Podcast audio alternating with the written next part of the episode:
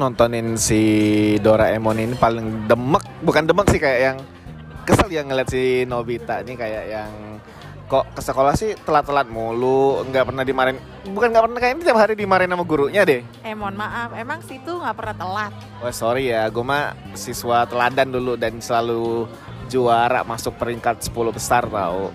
SMP ya.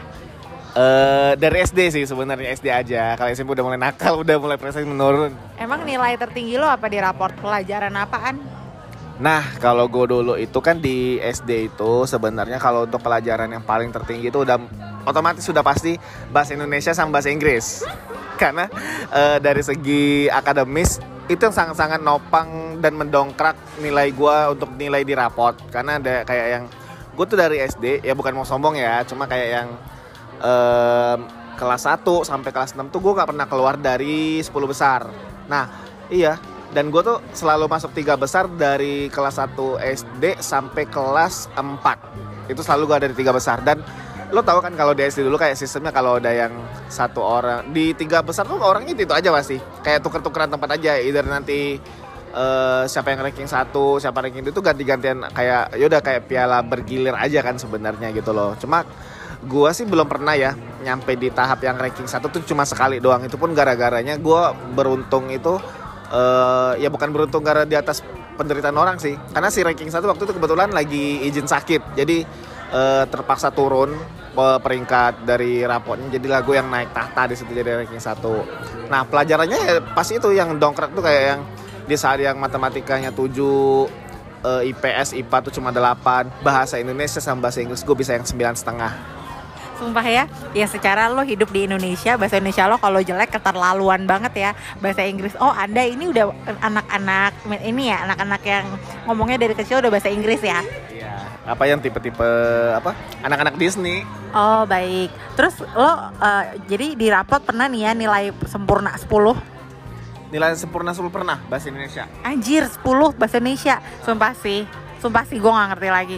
Berarti lo paling ahli majas Terus lo paling ahli puisi Prosa eh sajak lo hafal ya. Terus terus udah gitu kalau kalau lo paling bagus tuh lo eh, suka karena materinya atau gurunya sih? Karena kalau gua tuh eh, ada efek gurunya juga. Kalau kalau gurunya kalau gurunya nggak baik artinya gue males aja gitu belajarnya.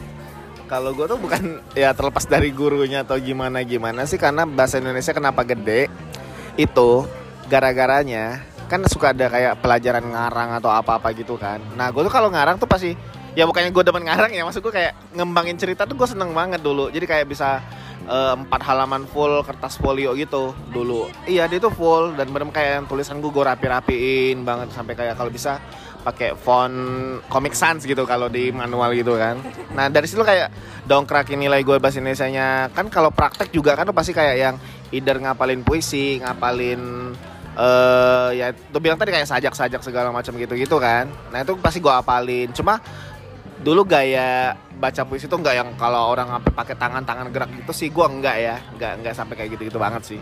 tapi kan kalau puisi lo mesti kayak eh, apa namanya tuh mesti Drama. enggak a o a o a i a i itu kan maksud gue kayak kayak gitu tapi lo hebat sih kalau gue tuh dulu ya cuman masuk ranking kelas 1 SD 1 sampai 3 SD abis itu gue nggak tahu goodbye lah abis anak-anaknya pada pintar-pintar semua lah secara gue Nah berarti apa sekolah lo termasuk sekolah-sekolah ini ya sarang-sarang orang pinter profesor semua ya?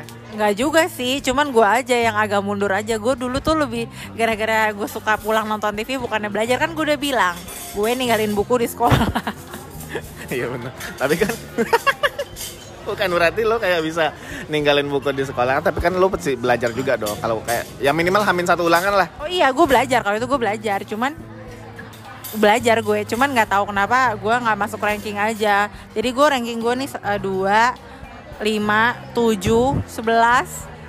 Abis itu 11, 12, 12, 12, 11, 12, 10 gitu. Nggak pernah gue di tiga besar lagi tuh nggak pernah. Karena pada pinter-pinter dan gue paling jelek tuh kalau waktu SMP di pendidikan agama gue jelek. Gak gue antara mau ketawa bukan ketahuan gimana gimana ya. Cuma kan maksud gue kalau agama nilai lo jelek itu kan jadi pertanyaan besar nih. Tanda tanda tanya besar tuh di situ. Mohon maaf agama udah muslim dari oe oe ya. Agama lo bisa jadi jelek tuh. Nggak maksudnya nilainya merah apa gimana sih bukan merah nilainya maksudnya di yang lain kan misalnya 8 8 7 8 7 8 7 nah kalau agama gue tuh 6 cuy sumpah. Gue kayak kenapa ya? Kan gue juga ngajinya terbata-bata. Nah ada guru gue tuh kayaknya marah banget sama gue waktu gue SD karena ada soal nih waktu di ulangan eh, is- apa isian gitu bukan bukan isian gitu. Nah terus soalnya gini res. Eh, apa tunggu tunggu eh, eh, titik-titik eh apa, tunggu, tunggu. oh so Aduh mati gue. Eh, sholat adalah tiang titik-titik. Gue nggak tahu dong itu apaan ya terus gue jawabnya ternyata Tiang gue gue kasih tahu jawabannya dulu deh. Ha- harusnya jawaban yang benar adalah sholat adalah tiang agama. Tapi seorang Anissa jawabnya sholat adalah tiang beduk tiang beduk itu kan kalau beduk tuh lebih kayak yang stick ya. Kalau kayak tiang tuh kan kayak tiang listrik. Lu tiang agama lu maksud lah apaan sih jauh-jauh kayak gitu-gitu kan? Salah gue salah. Gue nggak tahu cuy. Gue nggak tahu. Di buku agama juga nggak ada itu apaan. Ya, tapi kan itu sebenarnya lebih kayak bahasa perumpamaan aja kan. Kayak kebersihan adalah sebagian dari iman. nggak tahu. Gue nggak tahu. Gue nggak tahu. Nah kalau agama gue tuh sebenarnya nggak nggak nggak jelek ya, maksudnya cuma standar-standar aja kayak 7, 8, stagnan stagnan gitu-gitu aja lah. Cuma emang yang ngeboosting banget itu emang bahasa Indonesia bahasa Inggris kan sebenarnya. Kadang-kadang pun gue ngerasa kayak karena gue gini loh kak, lo dulu TK nggak sebelum SD? iyalah TK gue Nah, kalau gue tuh nggak gue TPA dulu. Jadi kan kayak eh, TK tapi agama gitu kan. Nah, itu kan gue diajarin dari Iqra sampai Al-Qur'an kan. Jadi otomatis kan kayak pengetahuan agama lo, hafalan ayat, Al-Qur'an yang surat-surat pendek gitu. Udah di luar kepala banget gitu loh. Nah, tapi ketika udah mulai nakal banget kan semua tuh hilang-hilang semua nih ingatan gue udah terganti sama lirik-lirik lagu kersing lirik ya. Jadi kayak yang udah mau doa lupa mau ada apa kayak kalau di Al-Quran tuh baca-bacaan tajwid gitu udah mulai-mulai lupa juga kan. Jadi kayak wah gue apa mau on the way kafir apa gimana nih? Gue bilang gitu. Tapi kayak yang nilai agama gue juga cuma nggak jeblok-jeblok banget sih. Lebih kayak yang apa ya itu tadi gue bilang either kalau nggak di 7, 8, 7, 8 gitu, gitu aja. Tapi emang nggak sebus eh, nilai bahasa Indonesia bahasa Inggris gue yang benar-benar yang ngebanggain banget itu. Cuma kalau emang terlepas dari itu semua ya emang gimana ya kalau kata gue ya? Gue tuh dapat nilai gede karena emang mat- mata pelajaran gue seneng banget. Kayak bahasa Indonesia gue seneng ngembangin cerita gitu gitu gitu. Kan bisa kayak dari cerita pendek kalau bisa gue jadiin cerita panjang tuh. Mm-mm. dan kalau bahasa Inggris ya udahlah ya. Zaman zaman gue dulu kan eh, di kelas gue tuh yang bisa bahasa Inggris tuh masih sedikit nggak nggak semuanya gitu kan. Jadi kayak berhubung kan waktu itu gue juga les bahasa Inggris tuh zaman zaman gue masih SD itu. Les ya? Les ya? Kalau kalau saudara gue belajarnya nggak les dia nonton TV Nah kalau gue tuh les, cuma emang nggak sampai tamat kan, maksudnya nggak nggak sampai yang di level yang udah advance banget tuh enggak. Cuma karena emang itu tadi kan motivasi di awalnya, karena emang buat lesnya ikut-ikutan doang sebenarnya gitu loh. Karena mbak gue les, gue juga ikut-ikutan les. Om mbak gue udah berhenti les, gue juga ikutan berhenti. Tapi kan ilmunya tetap nempel dong di otak gue ya. Jadi tetap gue explore aja gitu. Nah jadi di kelas gue tuh kayak yang eh, istilahnya apa kalau dibilang primadona kalau lagi ujian bahasa Inggris tuh gua sama si anak yang ranking-ranking dua besar itulah termasuklah gua situ jadi kalau kayak yang ya gua ngalamin sih kayak kalau ujian tuh pada apalagi ujian bahasa Inggris ya ujian praktek atau ujian tertulis gitu juga semuanya langsung pada mendadak jadi teman gua semua. Karena emang pada udah deket kan. Tunggu tunggu. Emangnya ujiannya ABC apa gimana? Ada yang ABC ada yang esai namanya ya gue bukan meremehkan atau mengunderestimate orang-orang yang nggak bisa bahasa Inggris. Lo kalau ketika udah benci banget sama satu mata pelajaran atau nggak bisa banget mau itu pilihan ganda pun lo nggak akan tetap bisa jawab kan sebenarnya. Apalagi untuk yang esai sama yang apa istilah kalau ngarang dalam bahasa Inggris tuh? Composition ya? Eh, esai. Iya kayak esai di bahasa Inggris kan tapi kan itu kan lebih tantangnya lebih sulit lagi sebenarnya ada grammarnya segala macam. Nah itu dia. Kadang kan kalau orang kalau gue kan les mungkin diajarin ya. Cuma kan kalau yang teman-teman gue yang nggak les dan nggak tahu menau soal gitu-gituan mana dia peduli ya udah gue nyontek aja nih sama, sama Reza atau gimana gitu kan. Makanya gue jadi kayak ngerasa nah biasanya juga gini. Dulu di SD itu kalau bukan penasaran cuma kalau di SD itu ada kayak anggapan gini loh. Once lo udah jadi uh, pinter di satu mata pelajaran biasa gurunya tuh jadi mendadak menjadi lo sebagai anak kesayangan gitu nggak sih? Iya iya benar benar benar. Nah mungkin gara-gara itu nilai lo bagus lagi nah bisa jadi karena kan gue setiap ditanyain gue jawab. Setiap kayak ada lo ketika kayak guru lo dan nanya ke beberapa anak nih pokoknya kayak ini nggak bisa itu nggak bisa. Ya otomatis kan jawaban pamungkas ada di lo ya. Nah atau itu biasa lari ke gua atau nggak sih anak-anak yang ranking ini gitu loh. Coba kalau udah nggak tahu ujungnya coba apa za? Gitu. Udah gue jawab nih misalnya apa uh, dia nanyain A gue jawab B gitu. Ya udah kalau menurut dia benar dan udah sesuai dengan harapan dia ya udah dia oke okay, gitu. Jadi maksud gue ya ada benefitnya juga sih bu. Tapi bukan berarti gue harus ngejilat uh, guru mata pelajaran itu sih enggak. Cuma karena emang gue ngerasa gue bisa gue ya bukan jago sih maksud gue gue bisa aja gue bisa. Dan apa yang dimaksud sama guru yang dia minta gue bisa kerjain dan dia maksud gue ngerti. Jadi kan dari dia juga kayak ngerasa oh ya udah nih minimal ada anak satu murid yang bisa kita share. Maksudnya kayak yang kadang-kadang kan ada yang momen kayak yang lo satu kelas sampai yang bengel bang yang nggak nggak ngerti sama sekali gitu. Pasti ada ada tuh satu anak atau dua anak yang benar-benar yang oh gue paham nih uh, prima donanya lah di mata pelajaran itu biasa gitu gitu kan. Kalau lo tuh ada ini nggak sih kayak lo pernah jadi guru kesayangan apa? Ntar gue ceritain nih gue, gue anak guru kesayangan lo pasti kaget nih gue anak guru kesayangan apa nih? Coba kalau lo ada cerita apa tuh? Gue tuh nggak ada. Kalau jadi anak kesayangan guru tuh kayaknya nggak nggak ada deh. Karena semuanya sama guru di sekolah gue tuh sama-sama aja. Cuman kalau gue tuh uh, gue akan cerita kayak pelajaran terabsurd yang pernah gue ambil. Nah kalau gue tuh punya pelajaran terabsurd ya kan kalau di sekolah gue dulu ada selain pelajaran inti ada juga pelajaran yang tambahan kan. Kayak misalnya uh, apa ada seni ada bahasa. Nah kebetulan gue ngambilnya bahasa Jerman. Hah? ada bahasa Jerman. Terus gue ngambil kelas elektronika. Absurd banget kan maksud gue tuh kayak sampai sekarang aja gue mikir anjir ngapain gue ngambil kelas elektro ya? Padahal tuh cowok semua isinya gitu loh. Menantang maut loh ya? Iya menantang maut. Kayak ngapain banget gitu loh gue ambil. Tapi terus gue mikir ah udahlah santai aja biar uh, apa anggap aja lah kayak apa namanya uh, nggak apa kayak main-main gitu kan.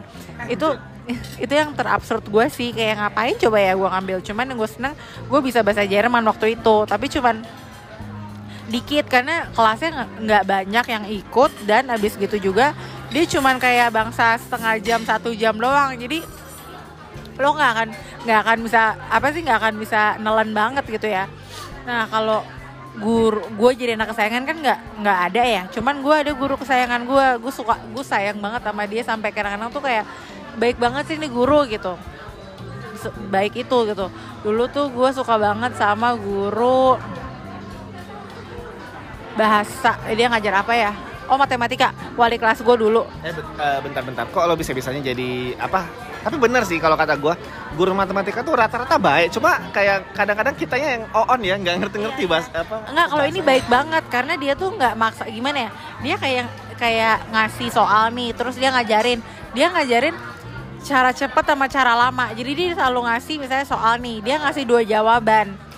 Karena dia tahu kita pasti mikirnya ribet kita mikir ribet sama mikir enggak jadi kadang tuh ada jadi dia bilang soal itu pasti ada jawabannya. Cuman ada ya, ya. ada soal yang jawabannya ada dua ada soal yang jawabannya cuma satu udah pasti artinya. Nah kalau dua tuh ada ada ada cabang nih. Artinya soal, soal itu pintas selesaiinnya atau enggak soal itu desainnya ribet kayak otak-otak lo pada ibaratnya gitu.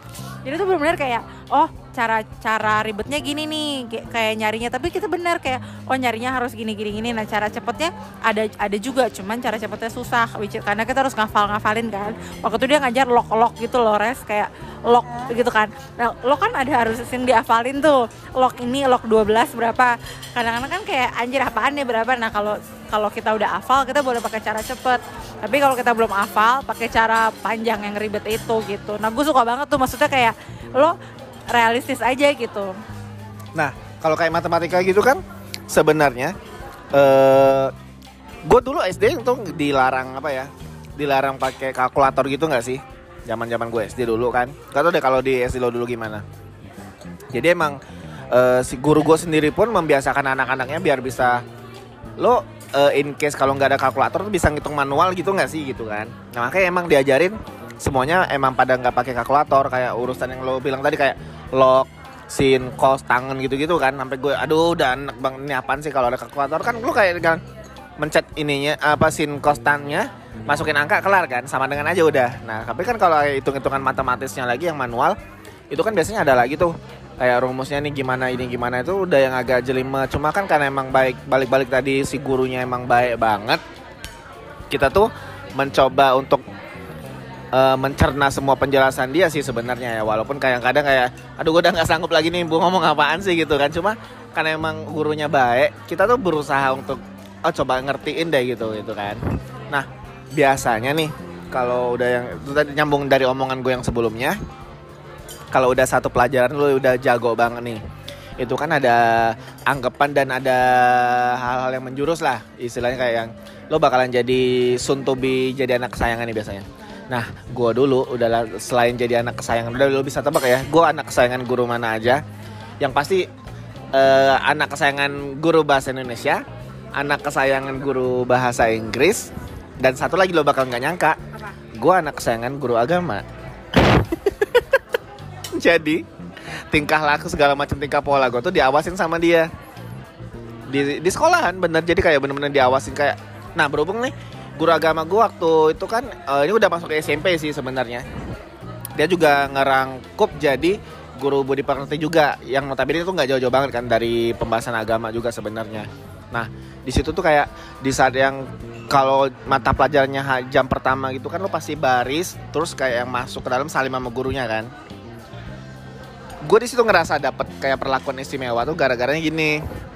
Ya terlepas dari dia emang beratin gue sih ya oke. Terus yang kedua tuh kalau lo baris salim masuk kelas kan salim dulu tuh.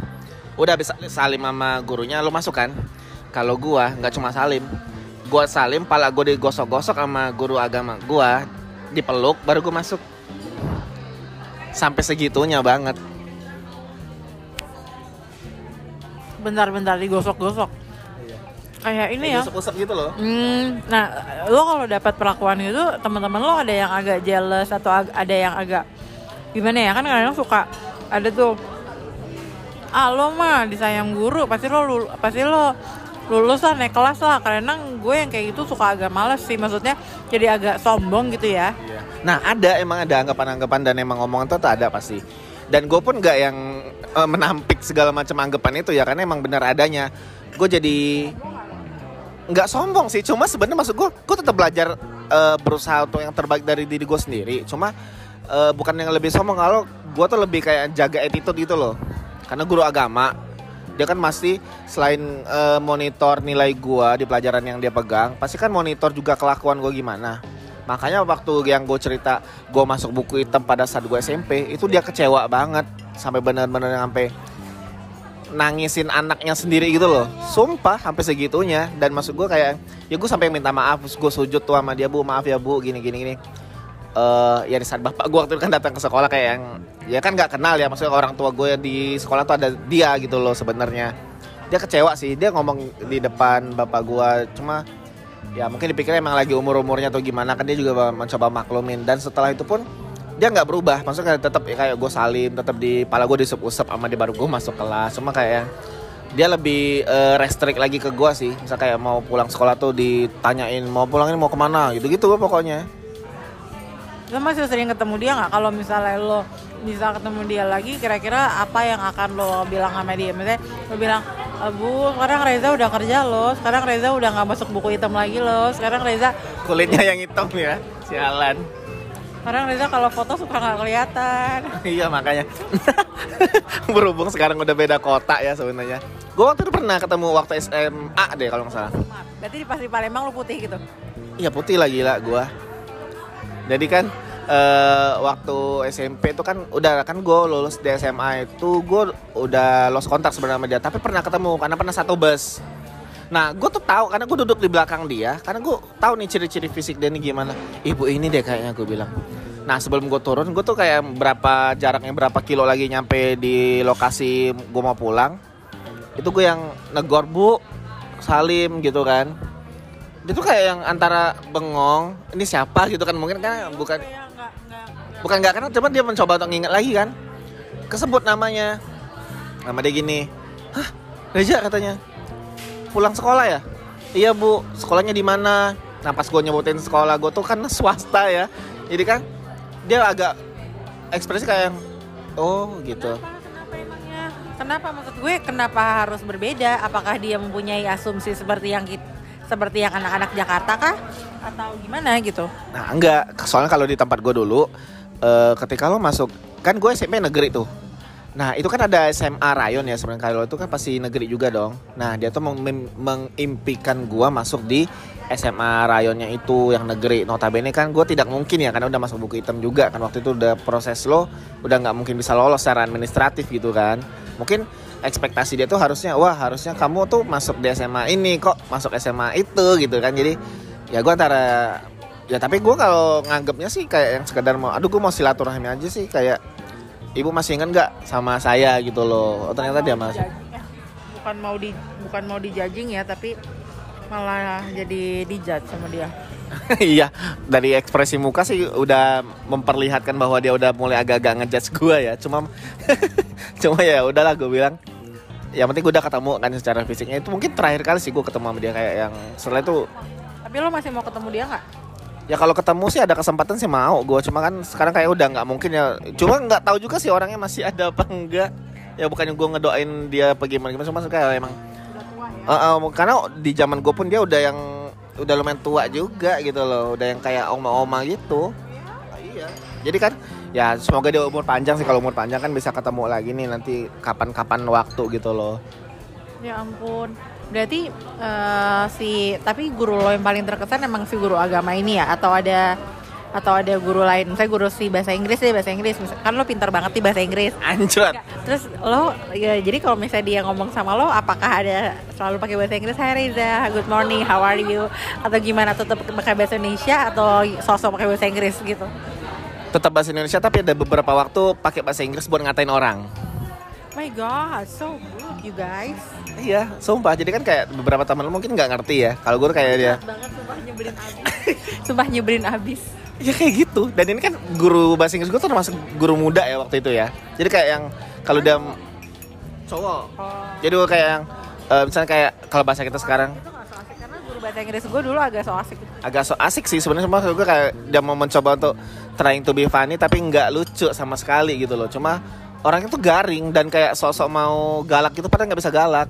Lo ngerti kan? Kayak maksud gue kayak yang oh, mau sosok yang jangan gini ya. padahal elah ya udah sih gue bilang biasa aja gitu loh. Karena emang eh itu tadi secara historical kan dia masih muda gitu. Jadi kalau bang kayak kita mau ngomongin gue ngatain temen gue nih misalnya gimana udah kita pakai bahasa Inggris gitu buat ngatain temen gue ini. Dan dia pun pakai bahasa Inggris juga buat ngerespon omongan gue sendiri tadi gitu loh. Nah selain itu sih pelajaran favorit gue tuh apa ya dulu ya?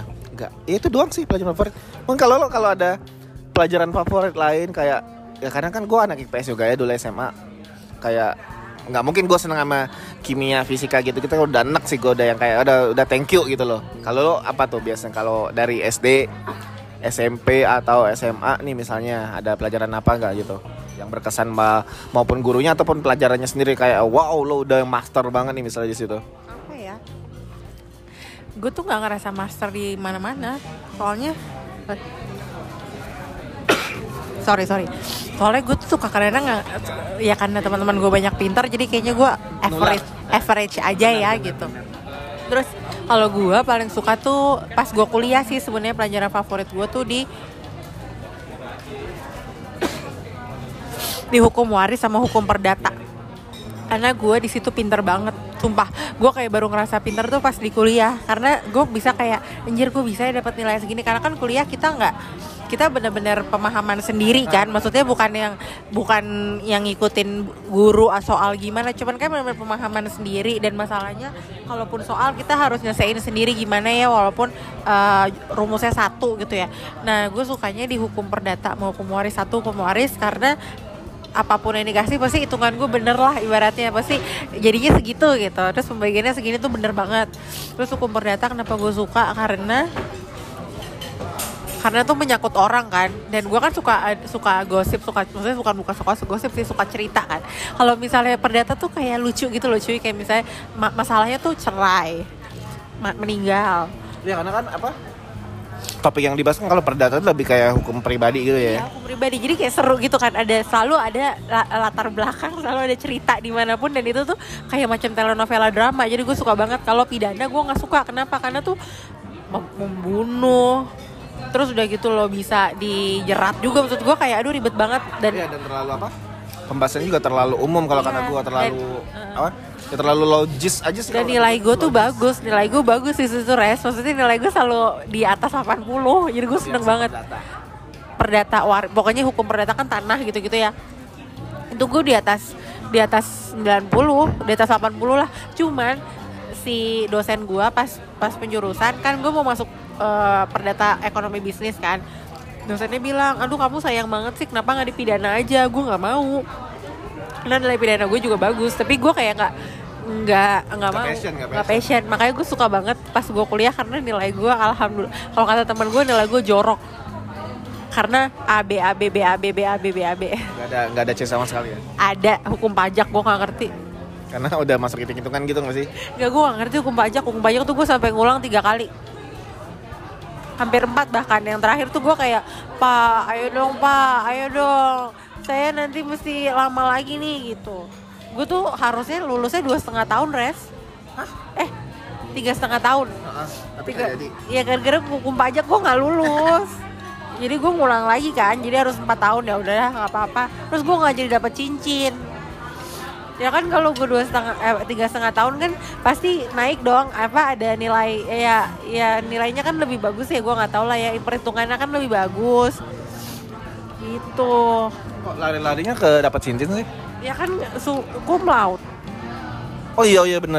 Oh ada. Oh iya, gue baru tahu sih ada reward reward kayak gitu. Gue denger denger doang soalnya. ada nah jadi gue cuman lulus dengan apa membanggakan atau apa gitulah padahal sebenarnya gue bisa bisa lebih cuman ya udahlah gue mikir ya udah emang jodohnya begitu dan Kalau gue jadi gue merasa pintar di kuliah Berarti udah yang ibarat kata telur tuh udah yang mateng banget ya baru lo apa? Bang explore diri lo sendiri ya. Nah, kalau gue tuh di kuliah tuh kayak pas-pasan aja dan emang ya balik lagi kan yang ngedongkrak A itu udah pasti bahasa Inggris lagi-lagi A dapatnya gitu kan kayak lo mau ada ujian praktek segala macam gitu-gitu kan gue pasti dapat A Eh, teman semua teman-teman gue mendadak dapat teman dekat lagi terus yang paling gue gak suka itu pengantar ekonomi mikro sama pengantar ekonomi makro gue nggak pernah dapet lo ekonomi mikro makro Gak pernah. Dan gue tuh makro gue ngulang sekali dan itu tetap dapet C. Kalau mikro gue udah pasrah, gue udah yang C. Makro gue dapet C. Hah? Susah emang susah. Itu kan menurut gue kan kan gue kan gue tuh kan jurusan gue kan manajemen ya. Nah menurut gue tuh mikro makro tuh mikro makro tuh menurut gue buat anak ekonomi pembangunan. Gitu gak sih? Sama kayak halnya ketika anak accounting eh, ngirain ngapain gue belajar marketing ini kan buat anak manajemen gitu ada loh temen gue yang accounting masa marketingnya dapat D ya karena dia nggak ngerti karena kalau marketing kan lo harus ada sedikit kreativitas ya. Sementara anak-anak accounting tuh atau accounting tuh biasanya udah kayak lu gitu ya. satu tambah satu dua. Kalau di marketing kan sometimes satu tambah satu sepuluh lima berapa. Jadi lo kayak gimana caranya gue bisa jual tuh barang gimana caranya gue bisa promosiin tuh barang gimana caranya tuh barang bisa keluar dengan branding bagus segala macam. Anak accounting nggak ada ngerti. Anak accounting paling cuman kayak ya mungkin ngerti kalau misalnya dia bisa akan lebih bagus kalau misalnya dia bisa ngerti karena dia bisa ngitung. Iya, Lah gua kagak bisa ngitung. ya sama lah kayak gue kan mohon maaf gitu. Dikit-dikit lihat kurva di mikro makro kayak ah, apaan sih di otak gue tuh kalau udah gambar-gambar pusing ya. Karena emang ya biasa gue kalau ngeliat gambar seneng. Cuma yang paling gue nggak demen ya udah kalau udah di makro mikro gue paling nggak seneng deh lihat gambar-gambar kurva gitu. Nah makanya kayak yang di ketika gue ngambil marketing eh itu konsentrasi gue kan eh, gue kan jurusannya manajemen nih. Konsentrasinya marketing nah lo ketebak lah ya mata kuliah apa yang dapat A? Gue semua yang konsentrasi gue dapat A. Kayak yang eh, marketing dasar sama dulu ada tuh eh, komunik maka- ma- marketing komunikasi atau apa deh namanya? Sama satu lagi visual marketing gitu. Ya lo tau ya di situ gue mengerahkan semua talenta gue yang ada dalam diri ini gue dapat A banget situ. Karena dari segi presentasi gue materinya juga bisa dibilang karena gue tuh tipe orang yang zaman zaman kuliah tuh nggak mau yang sama kayak orang lain. Misalnya temen gue pada bahas oh PT ini PT ini. Gue nggak bisa. Gue harus apa? Sama lah kayak skripsi gue karena ke temen tuh. Maunya kayak beda-beda gitu ya. Maksudnya kayak at least nggak sama kayak yang lain. Iya karena dianggapan gue gini kak. Ketika lo sama-sama orang lain Lo cuma paling dapat tepuk tangan doang Pok pok pok pok udah kelar kan? Dapat lo lo nilai apa standar. Lo nggak diingat Nah iya.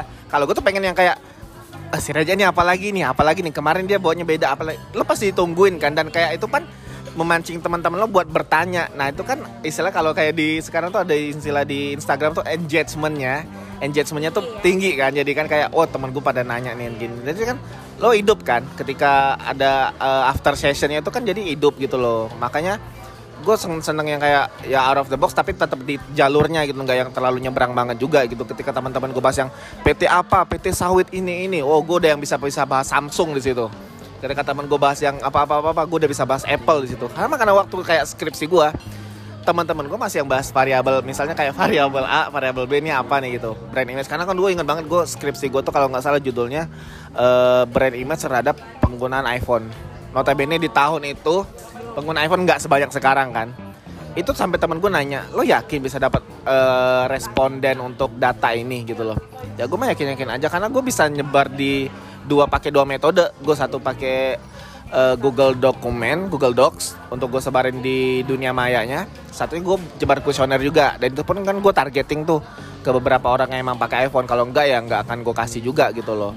Nah cuma kan balik dari situ ya itu tadi tujuan gue kenapa pengen beda tuh bukan kayak sok-sok aduh lo sok pinter banget lo ngerasa out of the cuma itu tadi gue bilang karena antusias orang ketika ngeliat satu yang beda tuh beda gitu lah ketika orang cuma kayak ngubah objek penelitian doang atau sekedar ah judulnya sama nih cuma objek ininya aja yang beda gitu loh. Itu kan kayak ah, gak tertarik. Kayak misalnya lo cuma beli pizza adonannya sama cuma kayak yang ya pizzanya itu, aja tapi cuma toppingnya doang beda ya. Tetap aja pizza kan lo menurut lo cuma ketika lo teman-teman lo nyaji, eh, nyajiin lo pizza tapi lo bisa nyajiin spaghetti di situ nah itu kan jadi daya tarik sendiri menurut gua. Nah kalau kayak itu sih kalau pelajaran mata kuliah gitu gitulah ya emang dominan gua bahasa Inggris ya kan emang.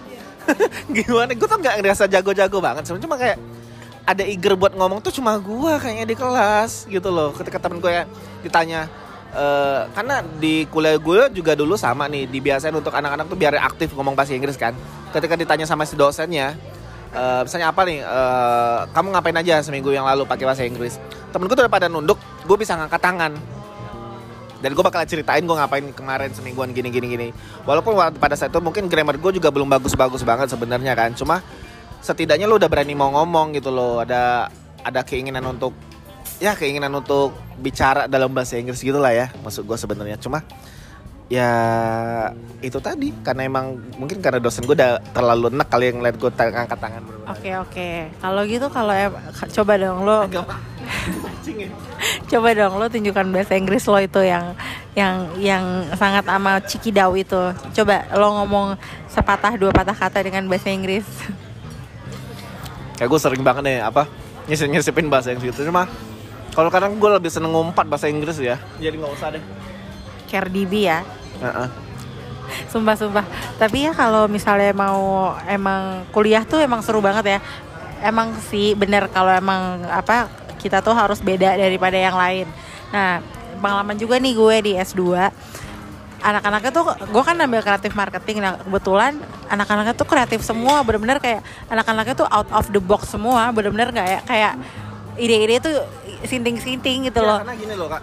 Eh, once lo udah yang di marketing tuh semua orang tuh datang dengan macam-macam background semua orang datang dengan macam-macam idenya. Kalau lo nggak punya ide beda sendiri kan lo mati sendiri gitu gak sih? Tapi bener tapi gue suka di situ karena ide gue juga gila juga. Jadi pernah nih lagi ngomongin mau cari bisnis plan apa ya gitu. Akhirnya kan eh, s- kita bikin phone block ya tapi sebelum itu kita ngomong gini anjir sus- en- kayaknya gue tahu deh diri bisnis sama apa teman-teman gue tuh kayak ngomongin kita mau bisnis tai. Kita mau bisnis kita mau bisnis tai. Kenapa kita bisnis tai?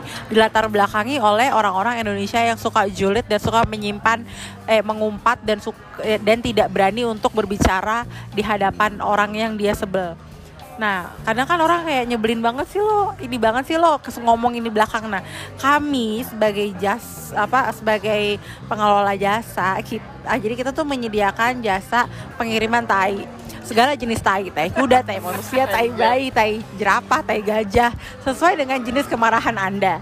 Nah, nanti tai itu akan dikemas sedemikian rupa. tai itu akan dikemas sedemikian rupa terg- eh, sesuai pesanan juga boleh boxnya warna apa nanti akan dikirimkan ke alamat orang yang dituju. Kita tidak akan memberitahukan sendernya dari mana tidak akan memberitahukan apa namanya eh, pengirimannya juga tidak tidak pakai pengiriman yang kayak JNE itu nggak pakai pengirimannya juga khusus. Gitu. Jadi orang juga nggak akan tahu kalau itu tuh ap- apa oh kalau itu tuh isinya tai gitu. Tapi tainya juga tapi tainya tuh kita bungkus sedemikian rupa bener-bener bagus loh Oh, tai-tai organik ya. Iya enggak, pokoknya tai beneran bener-bener kayak orang yang orang yang buka tuh akan ngerasa amarah dari orang tersebut gitu loh. Dan dia ada tingkatannya. Tai bayi, tai manusia, tai gajah, tai binatang, tai anjing tuh semua ada. Sampai tai kotok juga ada. Lo mau dari yang jenisnya tai kering, tai masih basah, tai apa tuh ada gitu. Jadi kita selain itu kita juga punya Yang padat dan cair. jadi tuh kita menyimpan jadi kita selain itu kita juga membu- apa namanya mengelola kebun binatang kan. Kita mengelola kebun binatang dan sampingannya kan kita selain ada pengunjung kita juga harus ada ekstra dong ya. Selain untuk dapetin cuan dan lain-lainnya. Nah kita menjalankan bisnis itu bisnis itu terselubung gitu. Dong, bisnis apa tadi? bisnis banget. itu nah udah kan itu gilanya. Akhirnya yang benernya kita bikin phone block.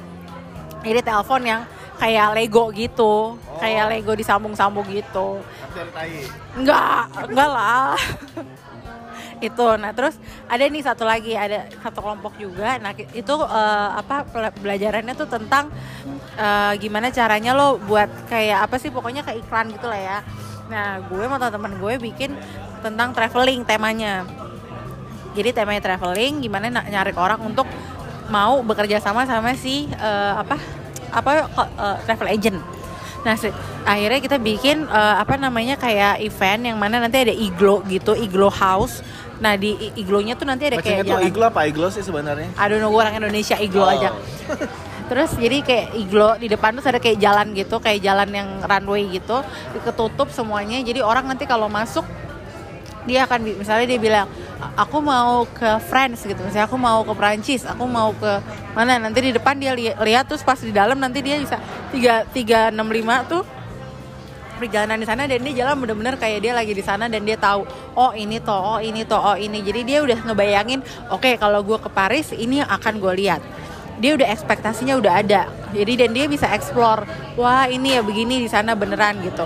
Dan itu gue coba pas gue presentasiinnya gue coba untuk buat jadi kelasnya gue matiin terus gue presentasi gitu. Jadi gue gue lempar bola gue bilang lo mau ke mana? Gue udah udah udah CS-an sih sama dia mau ke mana? Mau ke Paris. Oke mainkan gitu. Terus ada layar gitu gede. Terus ya udah ceritanya presentasi gitu. Tuh kayak menurut gue out of the box juga sih. Dan kalau yang gue tangkap sih lebih apa?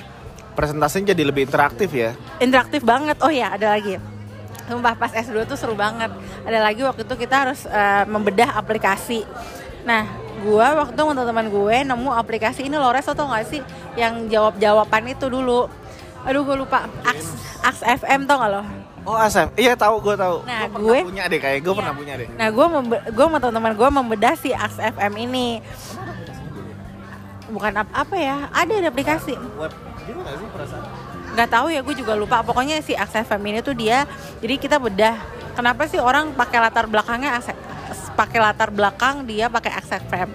Terus karena gue di situ lagi suka sama ada orang di S2 itu, terus gue bilang ya karena orang nggak mau diketahuin eh, jati dirinya siapa, tapi dia pengen tahu kayak contoh, kayak contohnya gue pengen tahu dia ulang tahunnya kapan nggak pernah dikasih tahu jadi gue suruh aja dia bikin XM terus gue gitu terus temen gue kayak eh kesempatan kesempatan Iya kan karena emang apa dari segi si sender juga si yang ngirim pertanyaan ini kan anonim ya. iya bisa di anonim itu itu dia yang paling seru sih. Apalagi kan orang Indonesia tipenya yang agak pemalu ya. Bukan pemalu sih lebih kayak yang krisis percaya diri ya sebenarnya. Kayak lo bikin ya ibaratnya makanya muncullah bisnis tai itu. Iya makanya dan muncul pula kan akun-akun bodong gitu kan. Iya. Lo lo ketawa banget ya sih gue ceritain bisnis tai? Nggak ngerti lagi. Gue udah yang kalau bisa ketawa minangnya segi gitu deh gue itu out of the box kan gila bukan out of the box lagi tai banget asli. Jadi bisnis yang gue rencanain adalah? Bisnis tai. Tai-nya eh, mungkin lebih kayak yang eh tapi kerealisasi nggak sempet waktu itu? Kalau yang bisnis tai enggak lah ya kali. Ya, siapa tahu kan mau ngambilin tai dari mana? Sebenarnya udah mateng konsepnya maksudnya udah tahu kayak ngambil dari mana suppliernya apa bungkusnya seperti apa jasa peng udah udah dipikirin mateng-mateng cuman ya ya enggak lah lo tau nggak nanti kalau lo bisnis tuh jalan siapa suppliernya? Udah udah tahu. Siapa? Ya peternak-peternak lah kan dibilangin. Gue kita mengelola peternakan juga sama kebun binatang. Gimana sih? Kalau untuk manusia lo ada satu penyumbang donatur tetap ntar tahu nggak siapa? Reza Ut Iyalah gua lah pasti siapa lagi gitu kan. Secara gua kayak tiap hari beraknya berapa kali lo lagi nanya gua